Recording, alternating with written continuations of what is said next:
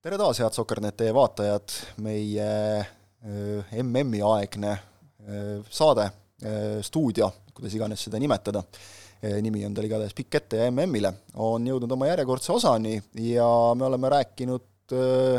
platsivälistest asjadest, oleme juba platsile ka jõudnud, otsapidi palliga näiteks, aga räägime natukene sellest ka, et platsil kõik asjad sujuksid, kes selle eest vastutavad, räägime kohtunikutööst, tere tulemast külla, Kristo Tohver! Tere, aitäh kutsumast!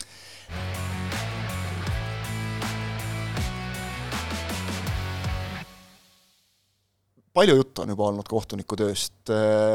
selles mõttes nagu positiivse nurga alt, et äh, ei ole vähemalt mina täheldanud selle MM-i jooksul seni nagu hirmus palju õiendamist otsuste üle. on olnud juttu ennekõike sellest, et kuidas nüüd järsku on nii, et me mängime siin üheksa ja kaheteist ja neljateist minuti kaupa juurde see, ma saan aru, on olnud selge suunis kohtunikele, et äh, igasugused aja venitamised, aja venimised, mis on nagu paratamatused, viga, vigastused, kõik sellised asjad, et neid, neid ikkagi varasemast nagu rohkem kokku lüüa. Ja et äh, et selle tõttu meil ongi lihtsalt need pooled pikemad, esimesed, teised, natuke harjumatu, aga samas mulle nagu tundub, et nüüd juba äkki on isegi harjutud sellega või kuidas sulle paistab kohtuniku pilgule? no see on hästi huvitav, ähm, sellepärast et reeglid on olnud ju kogu aeg täpselt samad, reegleid ei ole ju muudetud, äh, muudeti lihtsalt juhtnööri, kuidas reegleid järgida, et ma olen olnud kakskümmend pluss aastat kohtunik ja ma ei ole mitte kunagi lisanud mitte sekunditki näiteks värava tähistuste eest mm. -hmm. kuigi see on ju võimalus selleks olemas, sest mäng ju seisab ehk siis äh, jah, aetakse natukene täna rohkem siis näpuga järge kõikides nendes instantsides, kus sul on võimalik seda mänguaega lisada äh, ma, ma ei ole ise MM-il äh, õnneks või kahjuks, nii et ma ei tea täpselt, kas see on nüüd neljas kohtunik või on see keegi varriputkas, kes seda aega nagu mõõdab. aga, aga sealt see aja lisamine tuleb. noh, tal on nagu nii plusse kui miinuseid, et kohtuniku perspektiivist on sul alati see, et mängu lõpus mängijad väsivad mis tähendab, et hakkab juhtuma rumalusi, mis tähendab, et tekib ka väravaid, sellepärast et väsimuse foonil neid tekib. ja mida kauem see mäng kestab, seda suuremaks muutub tõenäosus, et tuleb teha raskeid otsuseid viimasel hetkel, mis on nagu mängu mõjutavad et, et, et selles mõttes kohtunikuna sul on alati mingis mõttes hea meel, kui sa paned kaks-kolm minutit otsa ja mäng saab läbi, noh, on vist tänaseks nagu hästi et, et see tõenäosus kindlasti suureneb, aga teiselt poolt jällegi vaatemängulisus kindlasti kasvab. nii et, et, et see on nagu üks aspekt, teine küsimus on see, et kuidas see mõjutab äh, tänapäeva ühiskonnas, kus me kõike tõmbame kokku ja kondenseerime. Äh, nüüd järsku me räägime sellest, et me hoopis pikendame ja nagu oluliselt pikendame ühte, ühte, ühte teletoodet, et kuidas see teles mõjub, kuidas see inimestele mõjub, et, et eks see paistab, aga, aga mis saab, noh, täna ei oska öelda, et FIFA natuke teeb siin sellist äh, inimkatseid ja eks siis pärast tehakse mingid järeldused ja kokkuvõtted.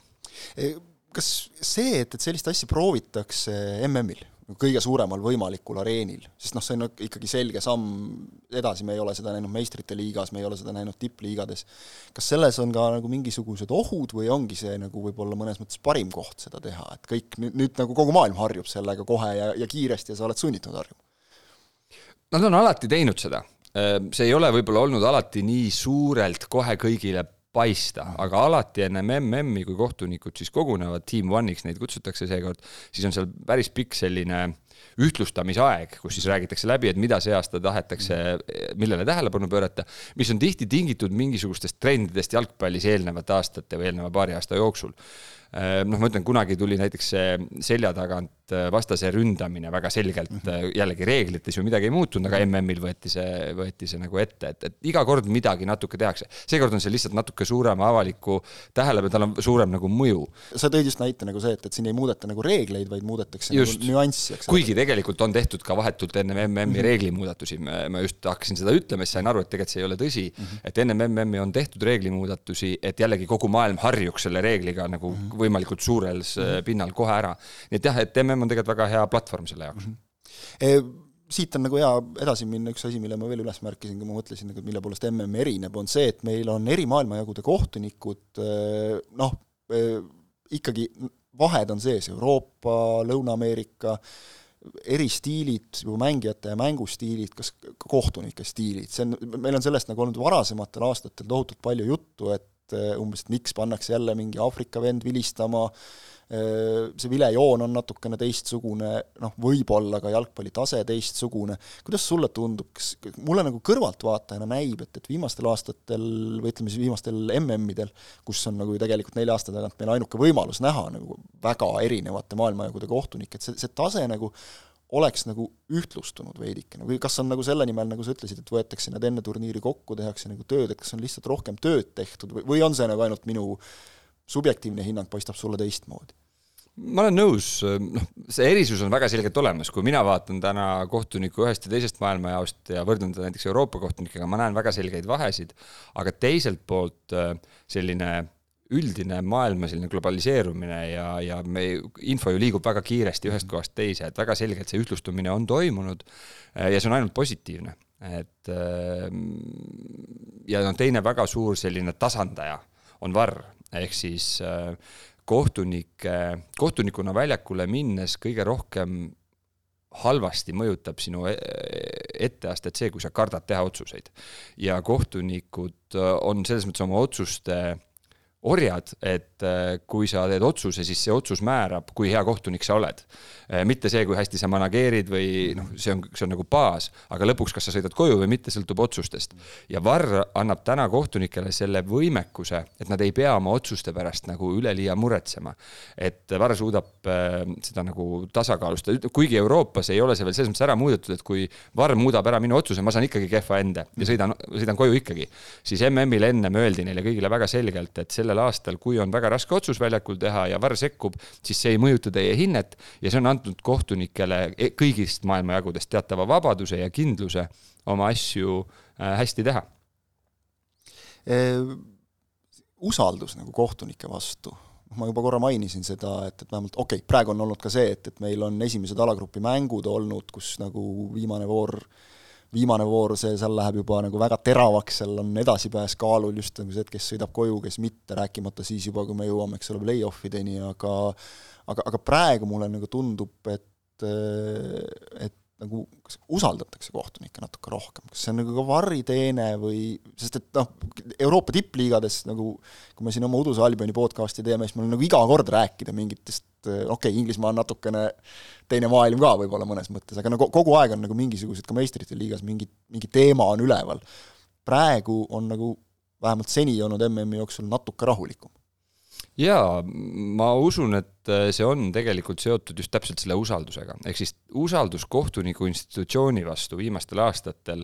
ja noh, peab ütlema, et on see varriga väga selgelt seotud, on tõusnud. ja noh, me ise teame kohtunikena, me ju analüüsime ka igat seda mängu ja räägime omavahel, kui mingid otsused teevad, et me teame täna, et on eksimisi, eksimusi kohtunike poolt, on ka eksimusi varride poolt juba täna aga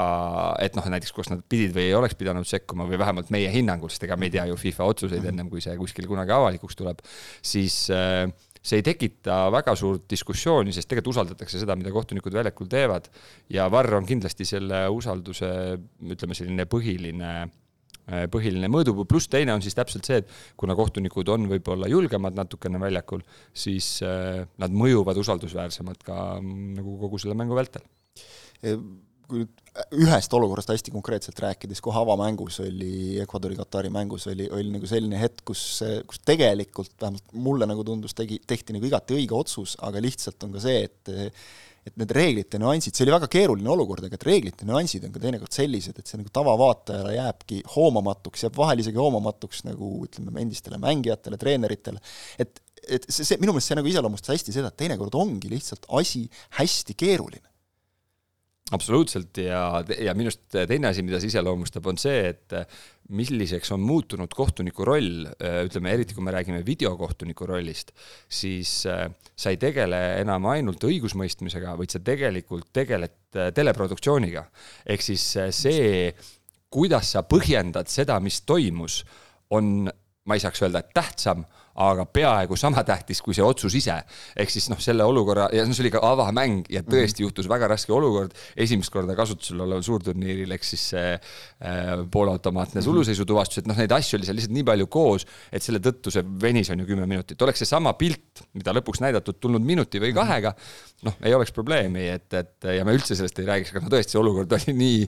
nagu segane, et, et noh, kui mina alguses vaatan, ma ei saanud ka midagi aru, aga siis, kui ma selle teist korda nagu kiiresti kordu-, nagu tagasi keerides üle vaatasin, siis ma sain aru, et kuule, et seal võis olla mees ja siis hakkad pausitama ja no tõepoolest oligi, eks. aga enamasti on see, eks mäng läheb edasi ja sul just. pole aega analüüsida et.... ja ka, ja ka telekordus ei pruugi täpselt anda just. sulle seda vastust. mulle nagu tundus ka, et seal oli just probleem selles, et äh, mitte nagu otsuse tegemine ei olnud nagu küsitav ega problemaatiline, vaid selle nii-öelda mahamüümine ja vot see vist on nüüd, mis on nagu kaasnenud ikkagi nagu varriga, ärme nimetame seda nagu miinuspooleks, aga et selline noh, nagu varriga kaasnev reaalsus,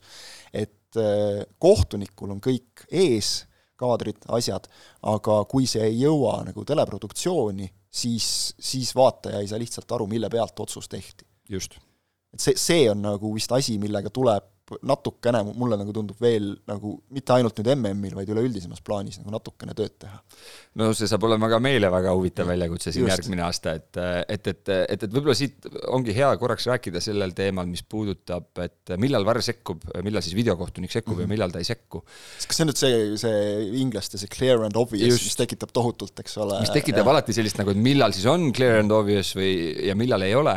ja see tegelikult on väga tihti just seotud telepildiga pildiga või siis sellega, mida sa suudad äh, näidata. ehk siis äh, toome näite sellest, et äh, kui toimub jalaviga kastis, näiteks pealastumine jalale, siis ähm, kui sa suudad pildiga tõestada kogu maailmale kiiresti, et see toimus mm -hmm. ja seda ei ole tähele pandud, siis sa sekkud kui sul ei ole häid kaadreid või kui seal on mingisuguseid teisi argumentatsioone, toon ühe näite ühest mängust, kus ma ka ise esimese hooga ütlesin, et see oli penalti oli see jalale astumine, mul ei suuda kohe öelda, mis mäng see oli. Äh, ma hetke mõtlen, oota, ma teen ma isegi tean vist, millist mängu sa mõtled. see, kus oli see jala,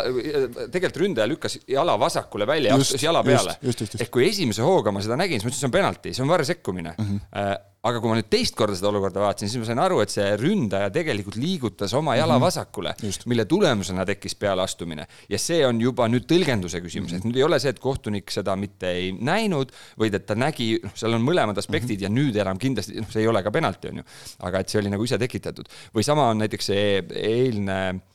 Portugali mängu olukord, kus äh, me võime arutleda, et kas see on õige või vale otsus mm -hmm. Cristiano Ronaldo vastu antud penalti, aga kuna seal on see lükkamise aspekt ja nüüd videokohtunik peab otsustama, et kas see noh, et, et ta peab hakkama, me ei hakka hindama fakti, et kas toimus lükkamine või mitte, vaid me hindame seda, kas see lükkamine oli piisavalt tugev. ja see kohe tähendab, et me ei räägi enam nagu clear and obvious, vaid me räägime hinnangust mm -hmm. ja siis me ei saa sekkuda sa mainisid juba seda automaatse suluseisu tehnoloogiat, see on üks nagu tehnoloogiline uuendus, mida, mida nüüd noh, nagu laialt kasutatakse sellel turniiril esmakordselt. väike, ütleme just miinus oligi seesama näiteks see avamäng, eks ole, kus, kus see kordus tuli minuteid hiljem, kust siis oli nagu aru saada, et, et keda ja mida mõõdeti aga suures plaanis mulle tundub, me näiteks ka meistrite liigas oleme nagu seda juba noh, nagu näinud ja, ja nagu see nagu aitab ikkagi natukene kaasa, mingi üks samm edasi jälle natukene. absoluutselt, äh, suluseisu määramine äh, ütleme siis videokohtuniku protsessis on kõige aeganõudvam mm. -hmm. penaltid, punased sa ikkagi enamasti suudad suhteliselt kiiresti lahendada, aga enne nüüd, kui sa siis võtad vastu selle punase või penalti otsuse, siis sa pead nüüd kontrollima selle inglise keeles on selle nimi attacking phase play ehk siis selle ründefaasi mängu üle ja nüüd seal on näiteks võib-olla kaks-kolm sululisi olukorda ja sa pead kaks korda veel jooni ka panema, siis see võtab kõik väga palju aega. Eh, ehk siis selle videokohtuniku sekkumise ajakulu on enamasti suluseisupõhine, eh, mida küll avalikkus ei näe, aga ütleme, seal tagaruumis see nii on ja nüüd, kui see toimub automaatselt, siis see tegelikult vähendab seda aega, kui kaua videokohtunik peab asju üle vaatama, nii et selles mõttes on ta olnud väga positiivne lisandus. noh, muidugi tegemist on nagu nii kalli süsteemiga täna, et, et noh, et selliste meistrite liiga ja MM-ide väliselt me seda suure tõenäosusega väga palju ei näe, aga, aga mõnes, mõnes kohas kindlasti. sa praegu tekitasid niimoodi jooksvalt huvitava küsimuse, et kui palju nagu erineb see, et mis toimub äh, nagu varriruumis, kui palju seal on nagu arutelu ja, ja kui palju see jõuab äh, avalikkuseni, et, et kui, kui noh, meil on nagu see, et kohtunik vaatab neid kordusi muudkui ja siis teeb otsuse. et kui, kui palju seal tegelikult nagu on, on, on sellist kaadri taha jäävat arutamist, tööd, sest seal on ju tegelikult, kui ma vaatan MM-il, siis on ka nii, et, et seal on ju, äh, on varr, siis on tal abiline, kes just neid suluseisu olukordi vaatab, ja siis seal on veel nagu hulk nimesid veel, täiendav varr ja kõik, kas nad on seal varuks, juhuks, kui, nii nagu meil on, eks ole, neljas kohtunik ja siis neljanda kohtuniku asendaja väljaku ääres MM-idel igaks juhuks. Või on, on seal nagu väga selge selline noh, hierarhia, kes mida ütleb, kuidas, kuidas see asi tegelikult nagu sealt ruumist nagu seestpoolt välja näeb? jaa, tegelikult see protsess seal ruumis on pidev ja väga tihe, et äh, MM-il ma nüüd ei tea täpselt neid kaamerate arvu, aga kui ma peaks pakkuma, et see on seal kolmekümne kandis mm. -hmm. ehk noh, reaal- ja sul on ka videooperaatoreid nagu iga, vist mm -hmm. iga kaheksa kaamera kohta on üks videooperaator, ehk siis tegelikult äh, see tööjaotus on selliselt, et äh, see varg või see videokohtunik, kes on siis meil nagu nimena kirjas, tema on see, kes vastutab selle eest, kas ma nüüd lõpuks otsustan kutsuda selle kohtuniku või mitte. Aga kõik need ülejäänud aitavad tal seda tööprotsessi, et näiteks vaatavad oma kaamera nurkade alt mingeid asju üle, et need on neil ära jagatud või ma ei tea, näiteks kui on tulemas äh, karistuslööki, mängitakse kasti sisse, siis juba ette jagatakse ära, et kes vaatab müüri kes vaatab äh, seda kohta, kuhu me ootame, et pall läheb, kes mhm. vaatab palli väliseid intsidente, et sul oleks nagu kogu aeg ja hästi kiirelt võimalik äh, äh, see sekkumine teha, kui see vajadus on, nii et, et see töö ja ütleme lõpuks, mis jõuab avalikkuse ette, on ju ainult siis, avalikkusele näidatakse Äh, siis VOR-is ehk siis video, äh, selles, ütleme siis videokohtunike ruumis äh, toimuvad ainult siis, kui on juba otsuseni jõutud mm. -hmm. et, et, et selles mõttes see tööprotsessi tegelikult keegi ei näita ja see noh, me praegu just teeme siin, alustasime Eestis selle videokohtuniku koolitusega ja ma arvan, et te võite kõigi meie kohtunike käest küsida, et see pinge, mis sul on sul seal eh, aparaadi taga istudes, vähemalt alguses on oluliselt suurem kui see, kui sa väljakule lähed, et käe, peopesad, me vaatame täna kaks tuhat kaheksateist aasta klippe ja, ja käe, peopesad on higised, kui sa nagu neid asju seal kerid, et, et see on päris, päris mahukas protsess, jah tahtsingi tegelikult selleni jõuda natukene, et meil Eestis ka praegu, meil oli tükk tegemist, et sind siia stuudiosse saada üldse, sest tööpäevad on praegu hästi tihedad, et et, et ma saan aru, et, et kõva, kõva koolitus käib hetkel, sest noh, praegu on tegelikult ju see aeg, kus nagu jalgpalli ei mängita, et, et need, kes noh, kes ei ole MM-il just, eks ole, kes on nagu koolitajad, kes on, kes meil siin õpivad, et, et see on nagu tegelikult ju ainukene aeg praegu, praegu teha seda vist suuresti kalendris. noh just, et äh, meil on siin äh, täna just kohe siit, kui ma lõpetan, sõidan lennujaama Pavel Killile vastu, kes on siis meie FIFA poolne koolitaja esimesel nädalavahetusel, et eile me tegelesime siis esmakordselt, see videoruum sai valmis, ehk meil on tehnika üleval, eile me siis tegime sellist esmast tutvust sellega, täna hakkab siis selline sisulisem koolitus pihta, Pavel oli kaks tuhat kaheksateist aastal Martšinjakil MM-il ähm, videokohtunikuks, aga jah, kuna täna ta on UEFA palgal äh, ja MM-i ajal ta vaba, tegu, tegus ei ole, siis ta täna tuleb just Lätist, kus sama protsess mhm. käib. nii et äh, ideaalne aeg meil õppida, aga noh, see õppeprotsess on selles mõttes ikkagi väga-väga intensiivne, et et sisuliselt alates tänasest kuni detsembri lõpuni, kuni jõuludeni on iga nädal koolitused äh, kaks päeva nädalas. Äh, jaanuaris tulevad, äh, samamoodi jätkub jaanuari alguses, siis tulevad nädalavahetusel terved pikad päevad, veebruaris hakkavad halli või siis selle taliturniiri mängude põhised koolitused, et see see intensiivsus on praegu jah, väga-väga kõrge, see, mis kohtunikud peavad panustama, et see launch või see, see lansseerimine siis neljandal märtsil oleks võimalikult valutu, äh, on päris suur see pingutus, mis tehakse. sa mainisid seda, kui, kui erinevad on nagu väljaku kohtuniku ja siis varri rollid, sa oled ise saanud äh, mõlemaga nüüd harjuda, kui kaua sul nagu aega läks, et et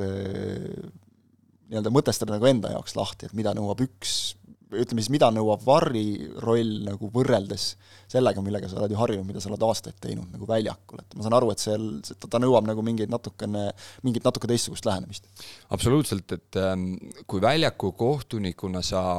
sinu esmane ülesanne on ikkagi selle mängu juhtimine ja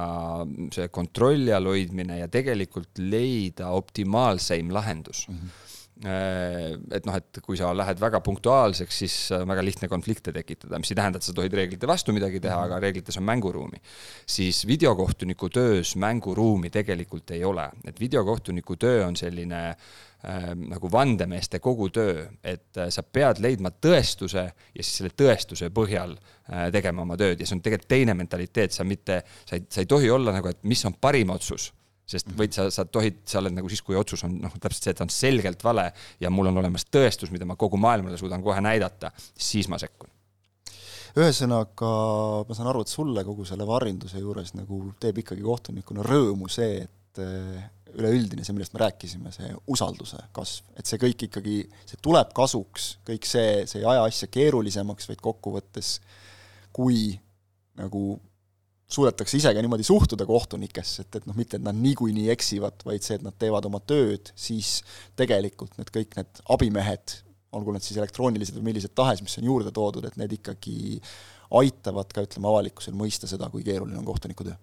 absoluutselt ja, ja vaata ei kao ära kuskile see arutelu, et mm -hmm. kas oli õige või vale, nüüd meil lihtsalt -hmm. arutelu võib-olla algab teisest kohast, et äh, et selles mõttes seda põnevust me ära ei võta ja, ja võib-olla lõpetuseks selle kohtuniku ja videokohtuniku erisuse vahe on veel see, et äh, või vähemalt kuhu see liigub, ma, ma kujutan ette, et tulevikus need on eraldi ametikohad. ehk siis täna, noh, meil siin Eestis teeme ka mõlemat, aga kui me vaatame juba täna MM-i või me vaatame UEFA tipptasandit, siis tegelikult tippkohtunikud ja tipp videokohtunikud on erinevad inimesed aitäh sulle, Kristo, väga põnev nagu alati ja ma usun, et me sinuga jõuame rääkida veel äh, siis, kui see Eesti äh, varr ka äh, hoogu nagu sisse saab reaalselt veel võib-olla natukene rohkem sellel teemal ka. Aitäh teile vaatamast, selline oli meie seekordne osa ja järgmistes stuudiotes on kindlasti vähemalt sama huvitavad inimesed ja sama huvitavad teemad. nii et äh, püsige lainel, vaadake MM-i, nautige, tegelikult ju alles algas, kuigi on selline tunne, et tohutult palju on juba mängitud, äh, neli mängu päevas, aga, aga see ongi just nimelt MM-i võlu. aitäh tänaseks, kohtume taas! nägemist!